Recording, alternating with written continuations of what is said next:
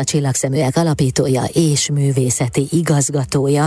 Olyan különös, mert én azt gondoltam volna, hogy a táncház mozgalom egy folyamat eredménye, és ez elképzelhető, hogy így is van, de arra nem számítottam, hogy egy konkrét időponthoz is köthető a táncház, hiszen 1972. május 6-a az a dátum, amikor először a Liszt Ferenc téren megtartották az első táncházat. Erről beszélgettünk az előbb.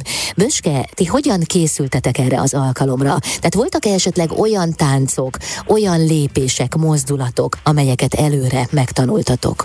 Igen, ez így történt. Ahhoz el kell mondanom, hogy 1972-re már a zenei megújulás is megtörtént a Bartók Tánc Együttesben, illetve elkezdődött, mert amikor én oda kerültem, most ez nagyon viccesen hangzik, de még zongorára gyakoroltunk, és a fiúk még a legényes táncot is zongorára járták. Mert, mert ugye nem volt még akkor az, a, ami most teljesen természetes, hogy rengeteg zenekar van, akik a parazenét kitűnően tudják és muzsikálják, akkor ez nem volt, de Timár Sándor nagyon jó barátja, alkotótársa volt Martin György, aki, aki táncfolklorista volt, és nagy tudós ember, és nagyon nagy segítségére volt Sándornak a munkájába. Ő hozta el a Bartók együttesbe hozzánk Halmos Bélát és Sebő Ferencet. Ez még 71-ben volt, uh-huh. és tulajdonképpen Feréket kezdte nagyon érdekelni a paraszti zenének a, a titka, a játékstílusa, a technikája. Ők híresek voltak akkor, úgy emlékszem, hogy Röpőipáva volt a, a, az a verseny, amiben ők szerepeltek és meg is nyerték, és így előresültek, mint ők halmosebő duó. Úgyhogy amikor megláttuk őket a próbaterembe bejönni, hát fiatal lányok, meg én is tátott szájjal néztem, hogy úristen, hogy kerülnek ide a terembe, nyílt az ajtó, és bejön Sebő Ferenc és Halmos Béla személyesen, akkor kiderült, hogy nagyon érdekli őket, hogy, hogy tánc alá muzsikáljanak. És Sándor szigorú volt mindig mindenben, és azt mondta, hogy nagyon-nagyon örül, nagyon szívesen veszi, de akkor minden próbán itt kell nekik lenni hetente háromszor és, és ők ezt be is vállalták, és onnantól kezdve mi egy óriási váltás volt ez mindenféle szempontból, mi élő zenére próbáltunk a Bartok együttesben. Uh-huh. És hát ez lehetővé tette azt, hogy Sebő Ferencék is a széki muzsikával kezdtek foglalkozni, és ugye amikor a Bihari Együttes meghirdette ezt az első táncházat széki mintára, akkor Sándor a próbán azért a széki tánc alapjait, de csak a csárdást és a négyes, mert a széki táncnak még sok egyéb más része van, lassú, akkor legényes táncok, sűrű és ritka tempó, de akkor csak a csárdást és a négyest kezdte el nekünk tanítani egyszerű formába, hogy legyünk egy kicsit felkészülve, ha már széki táncházba megyünk. Úgyhogy ez tulajdonképpen így indult, hogy, hogy még senki se tudott olyan nagyon sokat, de már valamennyi felkészültségünk volt. Uh-huh. És az első zenekar is Halmos Béla, Sebő Ferenc és Éri Péter voltak, akik a muzsikát szolgáltatták. Nekünk, én úgy emlékszem, hogy az énekes, az első énekes a, azon az estén Faragó Laura volt, emlékeim szerint. De 50 év távlatából elképzelhető, hogy az ember téved egy Aha. kicsit. Ez nyitott táncház volt, Böske? Bárki bemehetett? Nem, egyáltalán nem. Klubszerűnek szervezték a, az első szervezők, a Bihari János Táncegyüttes vezetősége klubnak akarta, hogy ez a négy együttes saját örömére, saját szórakozására találkozzon, táncoljon, beszélgessen, iszogasson, és érezze jól magát. És milyen volt a hangulat? A hangulat az remek, nagyon jó volt, és táncoltunk is valóban. A, a többi együttesből is beálltak, aki, aki tudta. Most pontosan már nem emlékszem, hogy ott a Sanyi tanította vagy sem. Lehet, hogy ott még nem volt, nem, nem tanított táncot, csak hagyta, hogy a, hogy a táncegyüttesek tagjai a maguk tudása és szórakozása szerint táncoljanak, aki akar. De, de a hangulat az nagyon jó volt, és hát érdekes érdekes volt ez, mert ez négy vezető együttese volt az akkori amatőr néptánc mozgalomnak Budapesten. És, Ti korábban ismertétek egymást? Igen, hát én annyira fiatal táncos voltam még, hogy én nem ismerhettem olyan nagyon Igen. a többi együttes. Örültem, ha megismertem a sajátomat. De a többi, a régi táncosok természetesen, hogy ismerték egymást, hogy ne.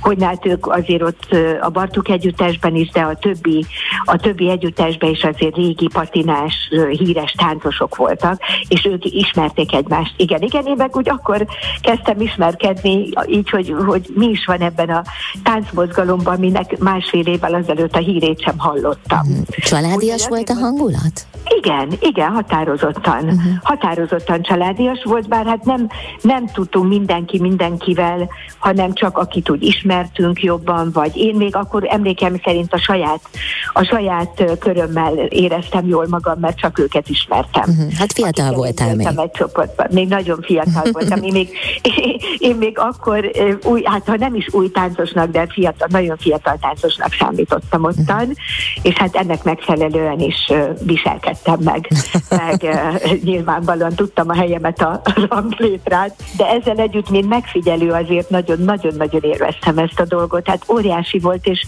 és minden szempontból utána később emlékszem, hogy a gimnáziumi osztálytársaim, meg a legjobb barátaim is mondták, akiket később már meghívtam a különböző táncházakba, hogy, hogy milyen jó, hogy én ebbe belecsöppentem, vagy hogy ebben részt vehetek, mert, mert ennek aztán fantasztikus kifutása volt, lett. És arra még talán nem is gondoltatok, hogy milyen lesz, hiszen nem, ez embernek a fantáziájában sincs ott. Jövünk az vissza. első táncházban nem, igen. Folytatjuk mindjárt a beszélgetést Témár Büske táncművésszel, a Csillagszeműek alapítójával és művészeti igazgatójával. 对呀。Timár Büske táncművész, a Csillagszeműek alapítója és művészeti igazgatója a vendégem. Idén 50 éves a Táncház, május 6-a a pontos dátum, de előtte még február 2-án a Magyar Művészeti Akadémia Kutatóintézete tart egy konferenciát a Táncház mozgalomról. Ezen az eseményen Büske, te is ott leszel, mint meghívott vendég. Igen, nagyon megtisztelő a felkérés, és örömmel eleget tettem. Rám bízták, hogy miről szeretnék beszélni, és azt a címet adtam, hogy, hogy az első táncház és a kezdetek. Mert valójában nem vagyunk már olyan nagyon sokan aktívan a szakmában, akik tényleg ott voltak az első táncházban, és tényleg, tényleg személyes élményként tudunk róla beszélni, és szerintem ez sokkal érdekesebb, hiszen a táncházról sok mindent el lehet olvasni, készültek tanulmányok, mindenfélét fel lehet kutatni, de az az igazság, hogy úgy vettem észre, hogy a mostani generáció már egyre kevesebbet tud a kezdetekről, és nagy, aki szívesen jár táncházba, az sem biztos tudja, hogy pontosan hogy indult el ez az egész, vagy ha tudja esetleg nem pontosan, vagy csak, vagy csak keveset, vagy semmit, és úgy gondoltam, hogy ha már én ott lehettem 15 évesen, akkor nem csak arról tudok beszélni, hogy milyen volt az első táncház, hanem arról is, hogy mit jelentett a mi generációnknak, a mi gimnazista korosztályunknak az az életérzés, amit mi ettől akkor kaptunk. Mert akkor jött el az a, az a probléma, hogy két-három alkalommal még klubszerűen történtek ezek a táncházak, úgy, ahogy a, ahogy a Bihari Együttes vezetése ezt elgondolta. Tehát zárt volt. Zárt, zárt körül volt teljes Igen. mértékben, de közben óriási nagy lett az érdeklődés, mert ott a, az írók boltján, úgy hívták, úgy emlékszem, hogy könyvklub, egy ilyen nagy üvegportálja volt az utcára. És ott volt, ott volt a táncház, és nyilvánvalóan a zene is készülődött a, az utcára, meg látták a sok fiatalt, akik ott, ott élő zenekarra táncolnak, és nagyon nagy lett az érdeklődés, tehát az emberek szerettek volna bejönni oda, és, és mindenképpen ez egyre fokozódott ez az érdeklődés az utca emberét felől. És itt állt akkor a, a nagy kérdés, hogy, hogy mi legyen, legyen-e nyitás, vagy pedig, vagy pedig maradjon továbbra is a négy együttesnek a szórakozási klubja ez, a, ez az egész.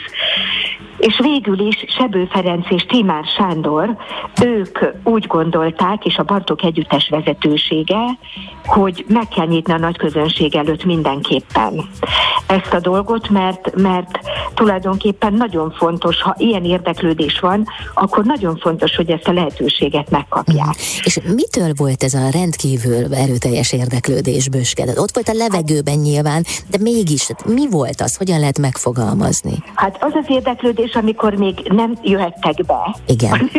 ja, hogy ez... hogy valami titok történik ott. Hogy itt valami történik, Aha. és hogy, ők ezt, hogy nekik ez nyilvánvalóan nagyon, nagyon érdekes, hogy látják, meg minden, de nem mehetnek be. Aha. De amikor megtörtént a nyitás, és akkor valóban hát történt egy ilyen, úgymond egy elszakadás a Bartók együttesnek és a, a másik három együttesnek, akkor, mert itt ugye az is volt a probléma, hogy a zenei szolgáltatás az már megvolt, mert a sebőzenekar már egyre jobban, egyre jobban elmélyült a parazene technikájának az elsajátításában, de ezeket a táncosokat, ezeket az utcáról bejövő táncosokat, ezeket valakinek azért meg kellett tanítani táncolni, uh-huh. mert különben akkor mit tud ő ott csinálni. Uh-huh. Akkor megtörtént ez a, ez a szakadás, és a Bartók Együttes akkor, a Bartók Együttes maga, a táncosok is, a vezetősége is, Sebő Ferenc és Timár Sándor felvállalták, hogy akkor igen, akkor megnyitjuk a nagy közönség előtt, és lehetőséget nyújtunk arra, hogy megtanulhassák az utcáról bejövő, és nem mondom ám azt, hogy csak fiatalság, mert minden korosztály volt. Egyáltalán nem csak fiatalok voltak, hanem egyszerűen minden korosztály valószínű, hogy ez az eredeti népzene, és ez a kultúra, amit soha azelőtt én se 15 évesen, akkor már 16 voltam a rákövetkező évben, hogy mi ezzel nem találkoztunk, és nem tanultunk. És akkor tulajdonképpen, ami a mi generációnknak rengeteget adott, és egy óriási felismerés volt, hogy hogy az erdélyi kultúrával szembesültünk, mi nem tanultunk ilyet iskolába abban az időben és egyszer csak ránk szakadt az a felismerés, hogy a határon túl ez a rengeteg magyar, aki él, ez milyen fantasztikus zenei és tánckultúrával és ének kultúrával rendelkezik, és hogy ez most mint egy ilyen csap kinyílt előttünk, és egyszer csak minden, mindenbe részünk lehetett. De valójában a, a legnagyobb vívmány az volt, hogy akkor már Timár Sándor és Martin György együtt működve nagyon-nagyon sok munka árán régi, nagyon régi filmfelvételekről, és ezt hangsúlyozom, hogy néma filmek voltak, tehát nem tudták a zenéhez igazítani, kisilabizálták a táncoknak a, a legfőbb jellegzetességét, ami pedig a magyar néptáncnak a legfőbb jellegzetessége az az improvizáció, tehát az improvizatív jellege. De hát ahhoz hogy, is tudni kell bizonyos hát szabályokat, hogy valaki improvizálni tudni kell a szabályokat, tudni kell a, a nyelvtant kell Aha. tudni. És, és az nagyon-nagyon fontos volt, hogy, a, hogy ezt az anyanyelvet tudják átadni, és egyébként mi a Bartók Együttesben már, már korábban ebben a, a megújult szellemben tanultunk Sándortól táncolni, tehát már nem kötött etüdöket, nem kötött, kötött koreográfiai sorozatokat tanultunk csak, hanem hanem a táncnyelvet tanultuk. És ez a módszer, amit, amit Sanyi már a Bartok együttesben elkezdett, én már ebbe csöppentem bele, uh-huh. természetesen, azt a táncházban remekül lehetett alkalmazni, mert ugye a táncház nem volt egy tanfolyam, vagy egy táncegyüttes próbája, hanem a fiatalok szórakozási formája volt. Uh-huh. És ennek a szórakozásnak mindenképpen meg kellett valósulnia, és, és csak úgy tudott megvalósulni, ha ő saját maga megvalósíthatta önmagát, az a, az a táncos, vagy az a táncolni vágyó, aki bement a táncházba. És ettől volt Ez, élvezhető, ugye? Hát csak ebből volt éle, élvezhető, mert nekik tényleg a kulcsot, a, a kulcsot kellett átadni, hogy a magyar néptánc improvizatív jellegéhez, ha megtanulja a szabályokat, a nyelvtant, hogy hogyan lehet a különböző motivumokat egymással összefűzni, hogyan lehet aztán azokból szép szavakat, később mondatokat alakítani, és ennek megtanulta a szabályait, akkor utána ő maga alkotta meg a saját, saját táncát, és először egyszerű formában, az volt ebből jó, hogy a leges legegyszerűbb formában is élvezhető volt mm. már. Böske, köszönöm szépen, jövünk vissza, jó? És innen folytatjuk tovább a beszélgetést. Rendben. Témár Böske, táncművész, a Csillagszeműek alapítója és művészeti igazgatója a vendégem. Egy kicsit felelevenítjük az elmúlt 50 évet, a táncház mozgalmat. Éppen 50 éve évvel ezelőtt indult, minden akkor kezdődött, 1972. május 6-án, ekkor nyitották meg az első táncházat. Mi magáról a folyamatról is beszélünk, hogy mi történt később. Ugye az első alkalommal még klubszerűen működött a táncház, később azonban kinyitottátok a kapukat, vagy kinyitották a kapukat. Mi történt akkor?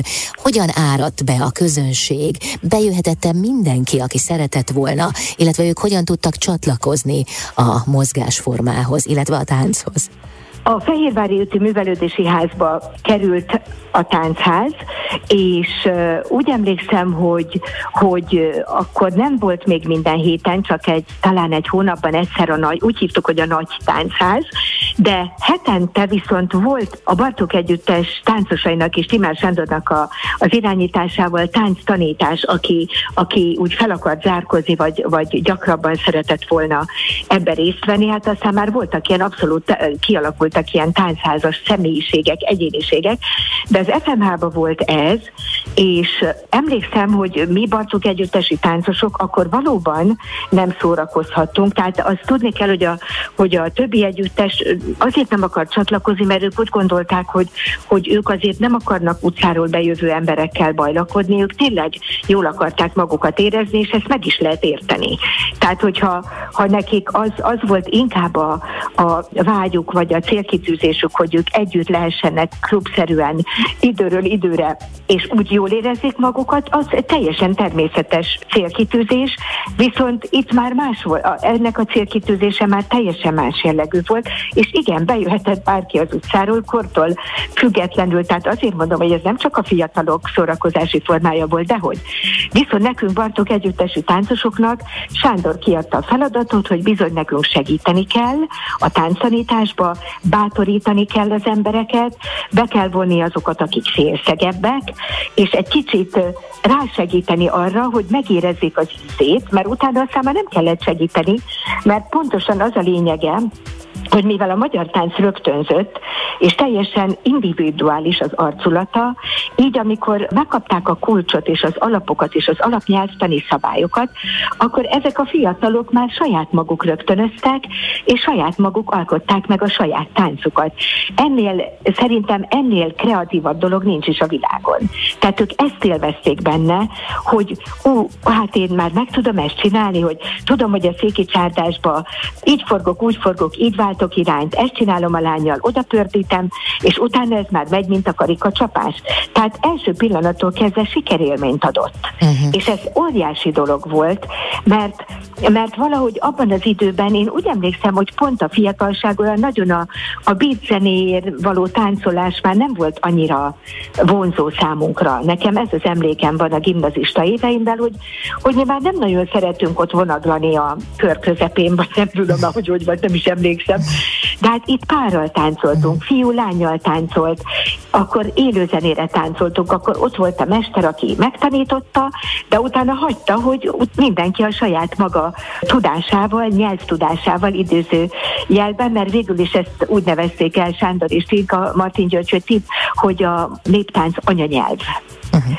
És akkor, hogy Ugye nem vagyok én messze, bocsáss meg Böske, attól a gondolattól, hogy innen már csak egy lépés a témár módszer, vagy ez már maga a témár módszer? Ez már maga a témár módszer volt, valóban, csak aztán mi még később ezt továbbfejlesztettük, mikor már a csillagszebűt megalapítottuk, és, és irinyó-pirinyó gyerekekkel is kezdtünk el foglalkozni annak idején, hát ennek is már 29 éve. Igen. Akkor, akkor még továbbfejlesztettük a módszert az egészen kicsi gyerekekig bezárólag, de a lényege a módszernek nem változott, hogy a magyar néptánc karakteréből származó improvizatív jelleg adja a lehetőséget, mert, mert ugye egy balkáni körtáncban milyen individuális lehetőség van, össze vagyunk kapaszkodva, és mindenkinek egyformán kell lépni, mert különben belerúg a másikba.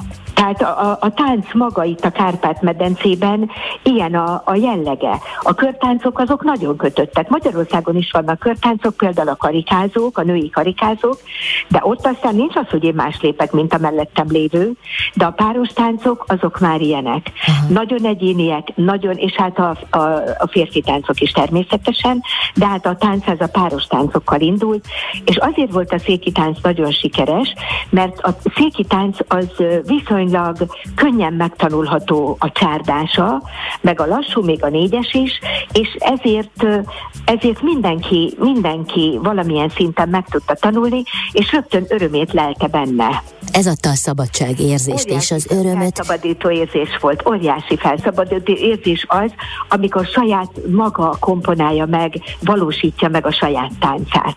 Timár Böske táncművész, a Csillagszeműek alapítója és művészeti igazgatója a vendégem. Az előbb Böske azt mondtad, hogy a mester megmutatta a lépéseket. Jól érzem, ugye, hogy a mester alatt Timár Sándor Mestit, érted? Akinek egyébként ez volt a beceneve, hogy Mesti, egy könyv is megjelent róla ezzel a címmel a 90. születésnapján.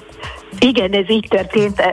Sándort a, a 1971-től az Állami Balettintézetben megindult a néptánc tagozat, és Sándor, Timár Sándor és Györgyfalvai Katalin voltak a tanárok, Sándor volt a tanszékvezető. És a, az ottani diákok a balettintézetben a tanárokat mesternek kell szólítani, vagy mesternőnek, ott ez a szabály. És hát a, a Timár Sándor is mester lett a balettintézetben, és de hát nyilván becenevet adtak neki, vagy szeretetből, tiszteletteljes szeretetből elnevezték őt Mestinek. És ez tőlük származott, az első osztályból nagyon sok ö, olyan tanítványa került ki Sanyinak, akik a nagyon, nagyon komoly eredményeket értek el a szakmánkba, például Zsurávszki Zoltán, például Végső Miklós, vagy Hortobágyi Gyöngyvér, aki a Táncművészeti Egyetem néptánc tagozatának a vezetője, tanszékvezetője, tehát nagyon, nagyon sok, három ilyen évfolyamot vitt Sanyi végig, és végig ott mesti volt, és elterjedt ez az egész országban, és a könyv címe is az, hogy Tímára mesti, mert ugye a mestiből egy volt, az senkivel nem keverték soha És a könyv is gyönyörű. Jaj, nagyon köszönjük, nagyon sikeres, hála Istennek. Ő van az elején természetesen, és annyi lendület van abban a mozdulatban, ami Igen, ott a ott Kalotaszegi legényes táncol éppen. Uh-huh. Sándor nagyon sokáig aktív táncos volt. Ő, ő 80 éves korában még olyan próbákat vezetett, hogy, hogy nem hittünk a szemünknek, hogy egyszerűen fizikailag ez hogy lehet, ez hogy lehet még mindig olyan lendülettel, hogy a fiatal tanítványok is csak tátott szájjal mentek utána, úgyhogy ő, ő tényleg, és az ő egyéniségében van ez a, ez a nagyon-nagyon nagy lendület, és egy nagyon szerény, nagyon csendes ember, mindig is az volt, de amikor táncol, akkor mindenki megy utána, ment utána. Akár balettintézeti volt, akár Bartók együttesi, akár táncház. Sándor táncolt elől, akár Japán, mert ugye az a második műhelyünk Japán. Igen. Hát hányszor jártatok ott, nem is tudom.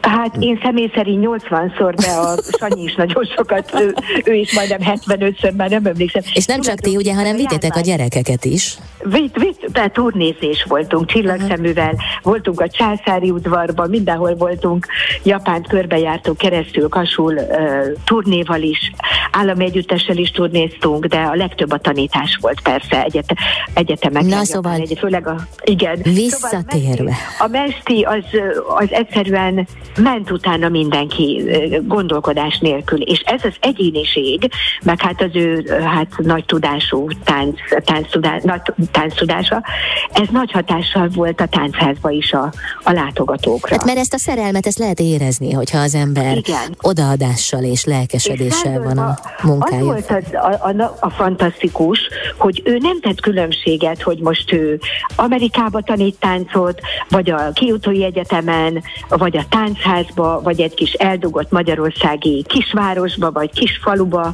Ő mindig egyformán, egyforma lelkesedéssel tanított mindig mindenkit, soha nem tett különbséget a között, hogy most egy fesztiválra készül Magyarországon, vagy külföldi turnéra, és a táncházba is ezt ő annyira szívvel lélekkel csinálta, hogy, a, hogy a, az utcáról bejövő emberekkel foglalkozott, és később aztán a tanítványai is átvették, mert ahogy szaporodtak a táncházi alkalmak, meg helyszínek, akkor már több tanára is szükség volt. És az ugye a Bartok együttesi táncosokból került ki, az ő tanítványai közül került ki, és akkor így el tudtuk látni, mint ahogy a Sebőzenekar volt az első, akik ezt a parazzenét tudták szolgáltatni, de utána már ott is gombamódra szaporodtak, a Bartok együttesbe jöttek a, a zenészek, és akkor abból alakult ki, azt hiszem Virágvölgyi Márta volt a következő, aki, aki jött, de aztán később a muzsikálzenekar tagjai, a Téka zenekar tagjai, a, a zenészek nagy többsége a Bartok együttesben kezdte el a pályafutását. A Sándor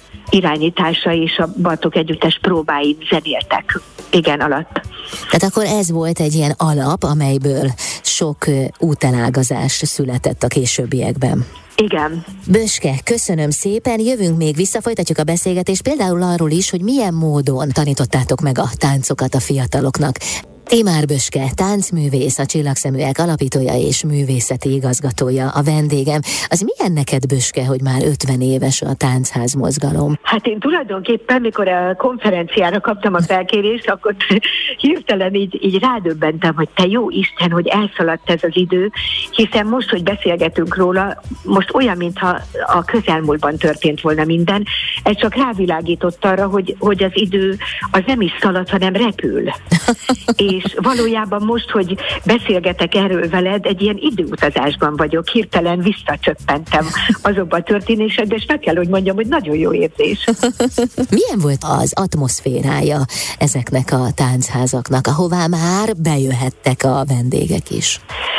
Nagyon, nagyon érdekes volt, mert volt, aki bátran rögtön beállt, és nagyon, de természetesen mindig vannak olyanok, akik, akik félénkebbek, meg nagyon érdekli, de meghúzódott egy sarokba, vagy, vagy nem mert, vagy, és ez volt a mi dolgunk. Sándor ezt nagyon-nagyon okosan és nagyon tulajdonképpen szigorúan is meghatározta, hogy nekünk gyakorló táncosoknak segítenünk kell abba, hogy ezen átsegítsük az utcáról bejött fiatalt, vagy időset, vagy bárkit, hogy, hogy nyilván azért jön ide, mert érdekli, de ha van egy gátlása, akkor azon át kell őt segíteni.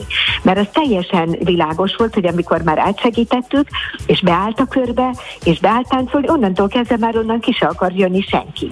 Tehát ahogy megérezték az ízét ennek, meg rájöttek, hogy ez nem is olyan nehéz, meg hogy ez milyen, milyen felszabadító érzés, meg rögtön ott idegenek voltak egymásnak, de amikor párba kerültek, akkor már egyszer csak együtt táncolnak, az egy fizikai közelség is, tehát ott már azért mégiscsak kialakul egy kapcsolat, akkor is a negyed órával ezelőtt még nem is ismerte. Uh-huh. Ugye itt nem arról volt szó, Böske, hogy itt valamiféle előadást tartott volna mondjuk mesti, hanem automatikusan ti táncoltatok, és... Hát, hát Sándor állt a kör közepén az aktuális párjával, volt, hogy én voltam a párja, volt, hogy más.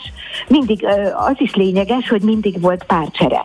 Mert, és a, a, a, a módszerben, a tánctanítási módszerünkben ez a mai napig benne van, hogy amikor akármilyen gyakorlott táncosok próbálján, vagy kezdőbbek, vagy kicsik, vagy nagyobb, a párcsere az nálunk alapja a módszernek, mert az alkalmazkodási készséget nagyon fejleszti. Ha Sanyi mondta, hogy csere, és akkor az azt jelentette, hogy a lányoknak egyel tovább kellett menni egy, a következő fiúhoz.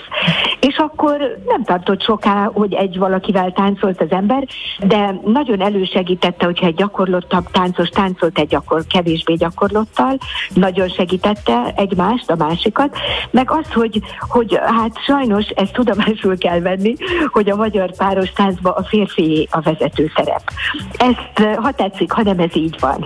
És ezért a, a lányok lányoknak az alkalmazkodó készségét is rendkívül módon fejlesztette az, hogy a párcserekkor mindig tovább kellett menni egy következő fiúhoz, és akkor ahhoz kellett alkalmazkodni az ő stílusához, mert ugye nincs két ember, aki egyformán táncol. Uh-huh. Egyébként, ha tudnád, hogy a táncból sokkal jobban meg lehet ismerni az ember személyiségét, mint a, ha beszélgetsz vele, az, az bizony sokkal érzékenyebb dolog. Az, hogy hogy fog meg, hogy lazán, erős, erősen, erőszakos, vagy túlságosan gyenge, vagy pont jó, vagy ö, úgy vezet, hogy megérted, hogy tudod, hogy miről van szó. Szóval ez egy nagyon érdekes és nagyon bonyolult dolog, de egy délalföldi táncos idős néni, a Sanyinak egyszer azt mondta, amikor filmet forgatott, és őt vette éppen föl a párjával, és azt mondta, hogy tudja, azt majd tudja tanár úr, ugye emlékszem, hogy mondta, hogy tanár úr, tudja tanár úr, hogy, hogy mi a táncból ismertük meg a fiúkat. Mondhatott az akármilyen szépet és jót magáról, de ha táncoltunk vele, akkor tudtuk meg, hogy ki ő igazán. Hmm, és milyen igaza volt? Nagyon igaza volt. Hmm. és mi történt még a tánc mellett? Tehát például volt-e ének, Bizony, hogy volt énektanítás. Akkor már jöttek énekesek is a táncházba. A Budai Lonkára emlékszem, mert az első táncházba emlékeim szerint a Faragó Laura volt, de aztán már Budai Lonka, aki akkor híres énekes volt. És hát a nagyon fiatal Sebestyén Márta, aki Bartok együttesi táncos volt, és hát már ő is ott volt a táncházakban. Úgyhogy nagyon-nagyon sok gyönyörű dalt tanítottak az énekesek is, Halmos Béla, Sebő Ferenc, és külön ének tanulás tanulási része is volt a, a táncháznak, hiszen pihenni is kellett, nem lehetett örökké csak táncolni, és ezek rengeteget adtak ezek a dalok, ezek a gyönyörű régi erdélyi dalok, és megint csak azt tudom mondani, hogy ránk szakad gyakorlatilag ez a, ez a kultúra, mert nem ismertük. Hát amikor már kinyitottak a kapuk, és már a nyitott táncházban voltunk, hát akkor se voltam én se több még 16 vagy 17 évesnél. Tehát még mindig nagyon fiatalok voltunk, és egyszer csak kitárult előttünk ez a világ, mert ezek a dallamok, például a széki lassú, azoknak a szövegei, azok a gyönyörű régi szavak, az az egész hangulata.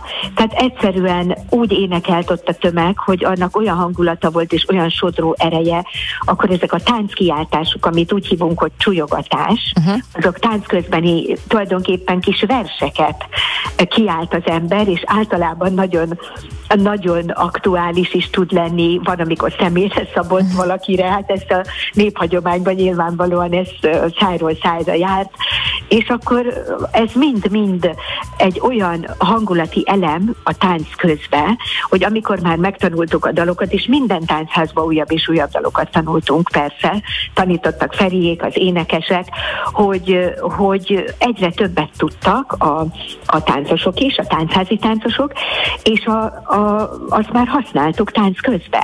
Tehát akkor már nem csak az volt, hogy megalkotom a saját táncomat, hanem akkor már énekelt is hozzá, csúlyogatott is hozzá. Hát olyan el tudod képzelni azt az elsőprő hangulatot, ami ott volt.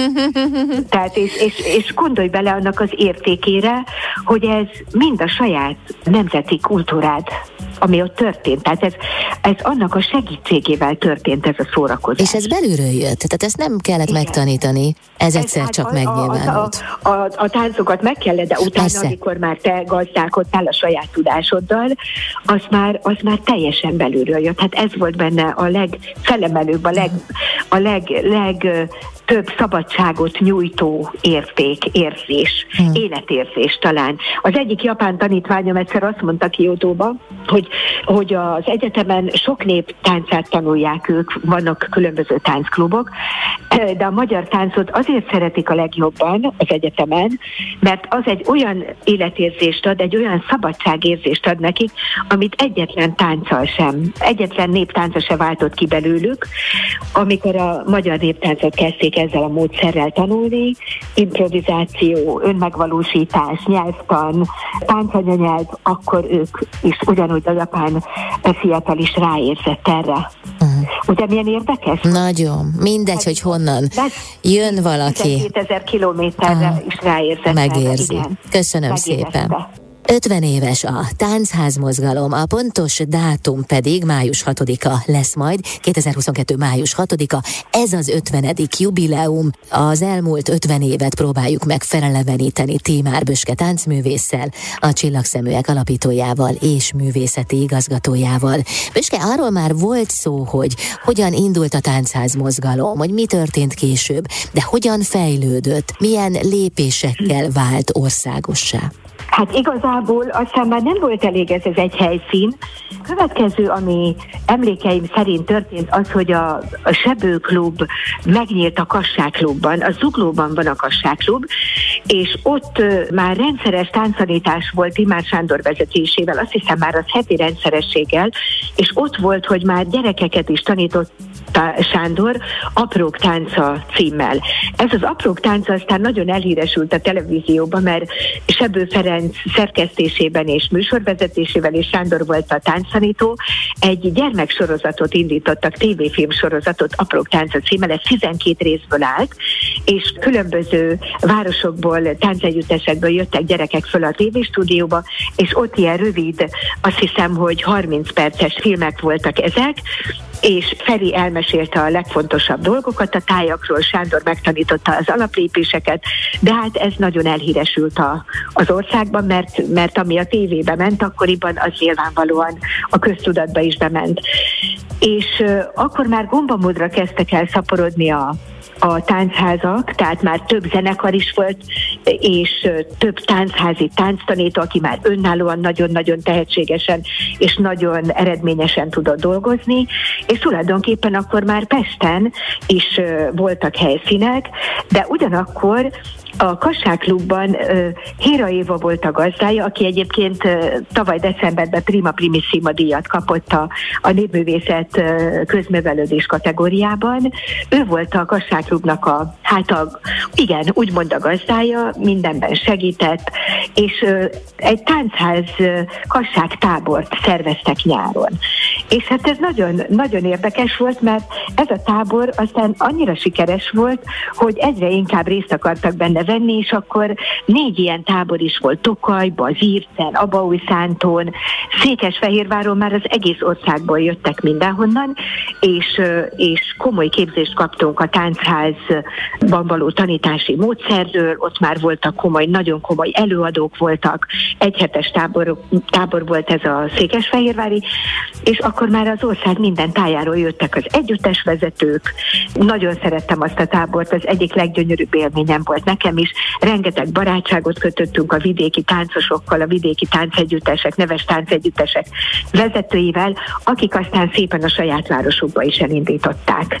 Úgyhogy azért eh, akkor már, már országos eh, elterjedése volt ennek a dolognak, és voltak nagyon-nagyon lelkes, akik bennem megmaradtak a Szeged táncegyüttes vezetője, Nagy Albert volt nagyon lelkes, akkor a Jászberényi táncegyüttes vezetője Papimre, de aztán rengeteg városban elindult a táncház, és ez a, ez a képzés, ez még sokáig tartott, mert szükség is volt rá, hogy, hogy a felnövekvő generáció is átvegye a módszert, amivel aztán ezt életben lehet tartani, és sikeresen tovább lehet vinni. Volt olyan, aki nem táncolt hivatásos együttesben, de mégis táncházképzésen vett részt? Igen, általában nem hivatásos együttes táncosai voltak ezek, hanem, hanem a neves amatőr együttesek az országból.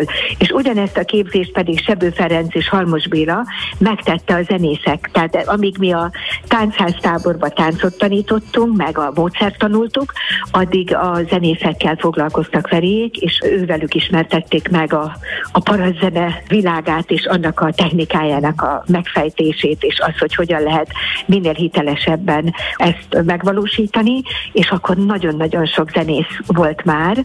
Hát a neves zenészek mind, mind elhíresült, akár a zenekarával, akár szólóban, akár külön, mint primás, úgyhogy ez mind ebből a, ebből a bázisból indultak el, és, és nagyon komoly, nagyon komoly pályafutást futottak be uh-huh. a zenészek is. A táncház mozgalomban résztvevő táncosok, zenészek tartották a hétköznapokon a kapcsolatot? Tehát ti egyéb egyébként is a szabadidőtökben is találkoztatok egymással?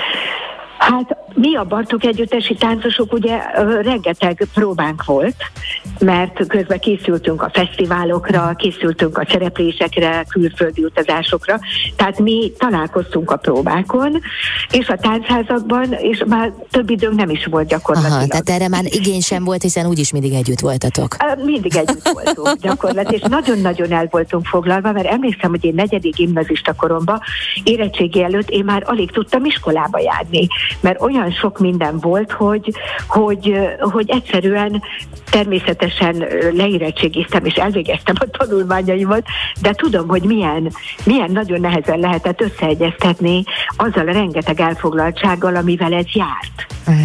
Ez, a, ez az életforma, inkább így fogalmazni. És közben egészen fiatalon. Ugyan most ez nem a beszélgetésünk témája, de mégiscsak létrehoztátok a csillagszeműeket is, ami egyébként egy újabb önálló nagy családdá vált. Hát egy mozgalom lett belőle, igen, de ez nem akkor volt, hanem sokkal később, mert még Sándorral 1981-ben még az Állami Népi Együttesbe kerültünk. Őt kinevezte Posga Imre, akkori miniszter az Állami Népi Együttes élére pontosan azért, hogy ezt az egész megújulást és ezt az egész módszert, amit már ugye sikeresen alkalmazott a, a saját együttesében, országosan és a táncházakban, hogy ott is meg kell valósítani, és akkor megkapta az újabb kihívást a Mesti, és 16 évig ott voltunk az Állami Népi Együttesben, ő volt a vezető, én szóló táncos voltam, és tán, női tánckar vezető, és akkor, mikor már az ötödik gyermekünk megszületett, Gergő a legkisebb, akkor hát tulajdonképpen én voltam az, aki azt mondtam, hogy most már ezt a rengeteg tapasztalatot és tudást át kell adni mégpedig a legfiatalabb generációnak, mert ők a jövő, és még ott az államnépi együttesben voltunk, amikor létrehoztuk a csillagszeműt. Böske, tudod, majdnem megkérdeztem tőled azt, hogy mikor volt nektek erre időtök, de hát közben megtaláltam a választ magamban. Hát ez volt az életetek, meg ez az életetek most is. Igen, így van. Köszönöm szépen. 50 éves a táncházmozgalom, ennek kapcsán beszélgetünk Timár Böske táncművésszel, a Csillagszeműek alapítójával és művészeti igazgatójával. Böske, lépésről lépésre megpróbáltuk felidézni az elmúlt 50 évet a táncházmozgalom kezdetétől fogva, de vajon hogyan alakult a későbbiek során? Tehát például külföldön hogyan ismerték meg a táncházat? Külföldön, Amerikában, Dél-Amerikában, Nyugat-Európában, Ausztráliában nagyon magas színvonalú, nagyon, nagyon jó magyar táncegyüttesek működtek már, már régen. Én Amerikában először 1980-ban voltam, és akkor megtapasztaltam, hogy keleti-nyugati parton is komoly táncegyüttesek működnek, akik nagyon színvonalasan és, és szépen táncolnak, és amikor elindult ez az egész mozgalom, és hát egyre sikeresebb lett, akkor ők is érdeklődést tanúsítottak, nagy érdeklődést. Mi rengeteg helyre kaptunk Sándorral meghívást ezekhez az együttesekhez a világ minden tájára, de ők is jöttek ezekre a lehetőségekre, amikor, amikor itt továbbképzés volt Budapesten, vagy valamelyik tábor volt, akkor jöttek külföldről az ottani együttes vezetők, és megpróbálták ők is, és nem csak megpróbálták, hanem nagyon is jól elsajátították, megtanulták, hogy hogyan is kell ezt csinálni. És amikor visszamentek a saját együttesükbe, akkor ők maguk is már ezt sikere tudták vinni, de mindig hívtak Magyarországról is tanárokat, hogy ezt megerősítsék, hogy továbbfejleszék. Gondolom, hogy azok a tanárok, akiket rajtunk kívül hívtak, ők is ugyanazt tapasztalták meg, amit mi, hogy, hogy akkor, mikor ott voltunk, akkor mi adtunk kurzust, a, akkor elmélyítettük az ő szakmai tudásukat, a módszer, tanítottunk új dalokat, új táncstílust, és akkor aztán ők a következő évben abból tudtak gazdálkodni.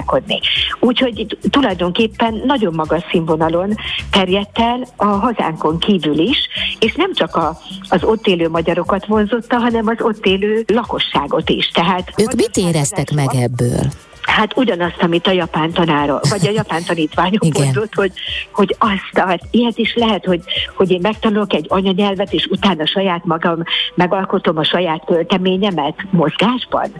Hát ennél, ennél amit ról szó volt végig, hogy milyennek a lényege, ők is ezt megtapasztalták, és akkor mégiscsak megint Japán tudom felhozni, aki tényleg ott, ott nincs is magyar származású, aki vinné ott a prímet, hanem egész egyszerűen hiszen ők azok, akik nagyon magas színvonalon űzik ezt a dolgot rendszeresen, hát most nekik is a járvány vetett véget, mert tulajdonképpen 40 éves jubileumunk volt a járvány előtti októberben, ott ünnepeltünk, hogy 40 éve jártunk töretlenül minden áldott évben Japánba, sokszor többször is egy évben, de hát ott is a, a járvány megakadályozta, hogy, hogy a tánc összejöveteleket és minden, de gyakorlatilag ők magyar táncházat működtetnek hosszú évek óta Tokióba. És akkor Japánból jönnek a táncosok külön, Japán különböző területeiről, akiket a magyar tánc érdekel, és ott rendesen táncház találkozó Hát és itt Magyarországon nálatok a csillagszeműeknél is táncol. Egyébként japán táncos.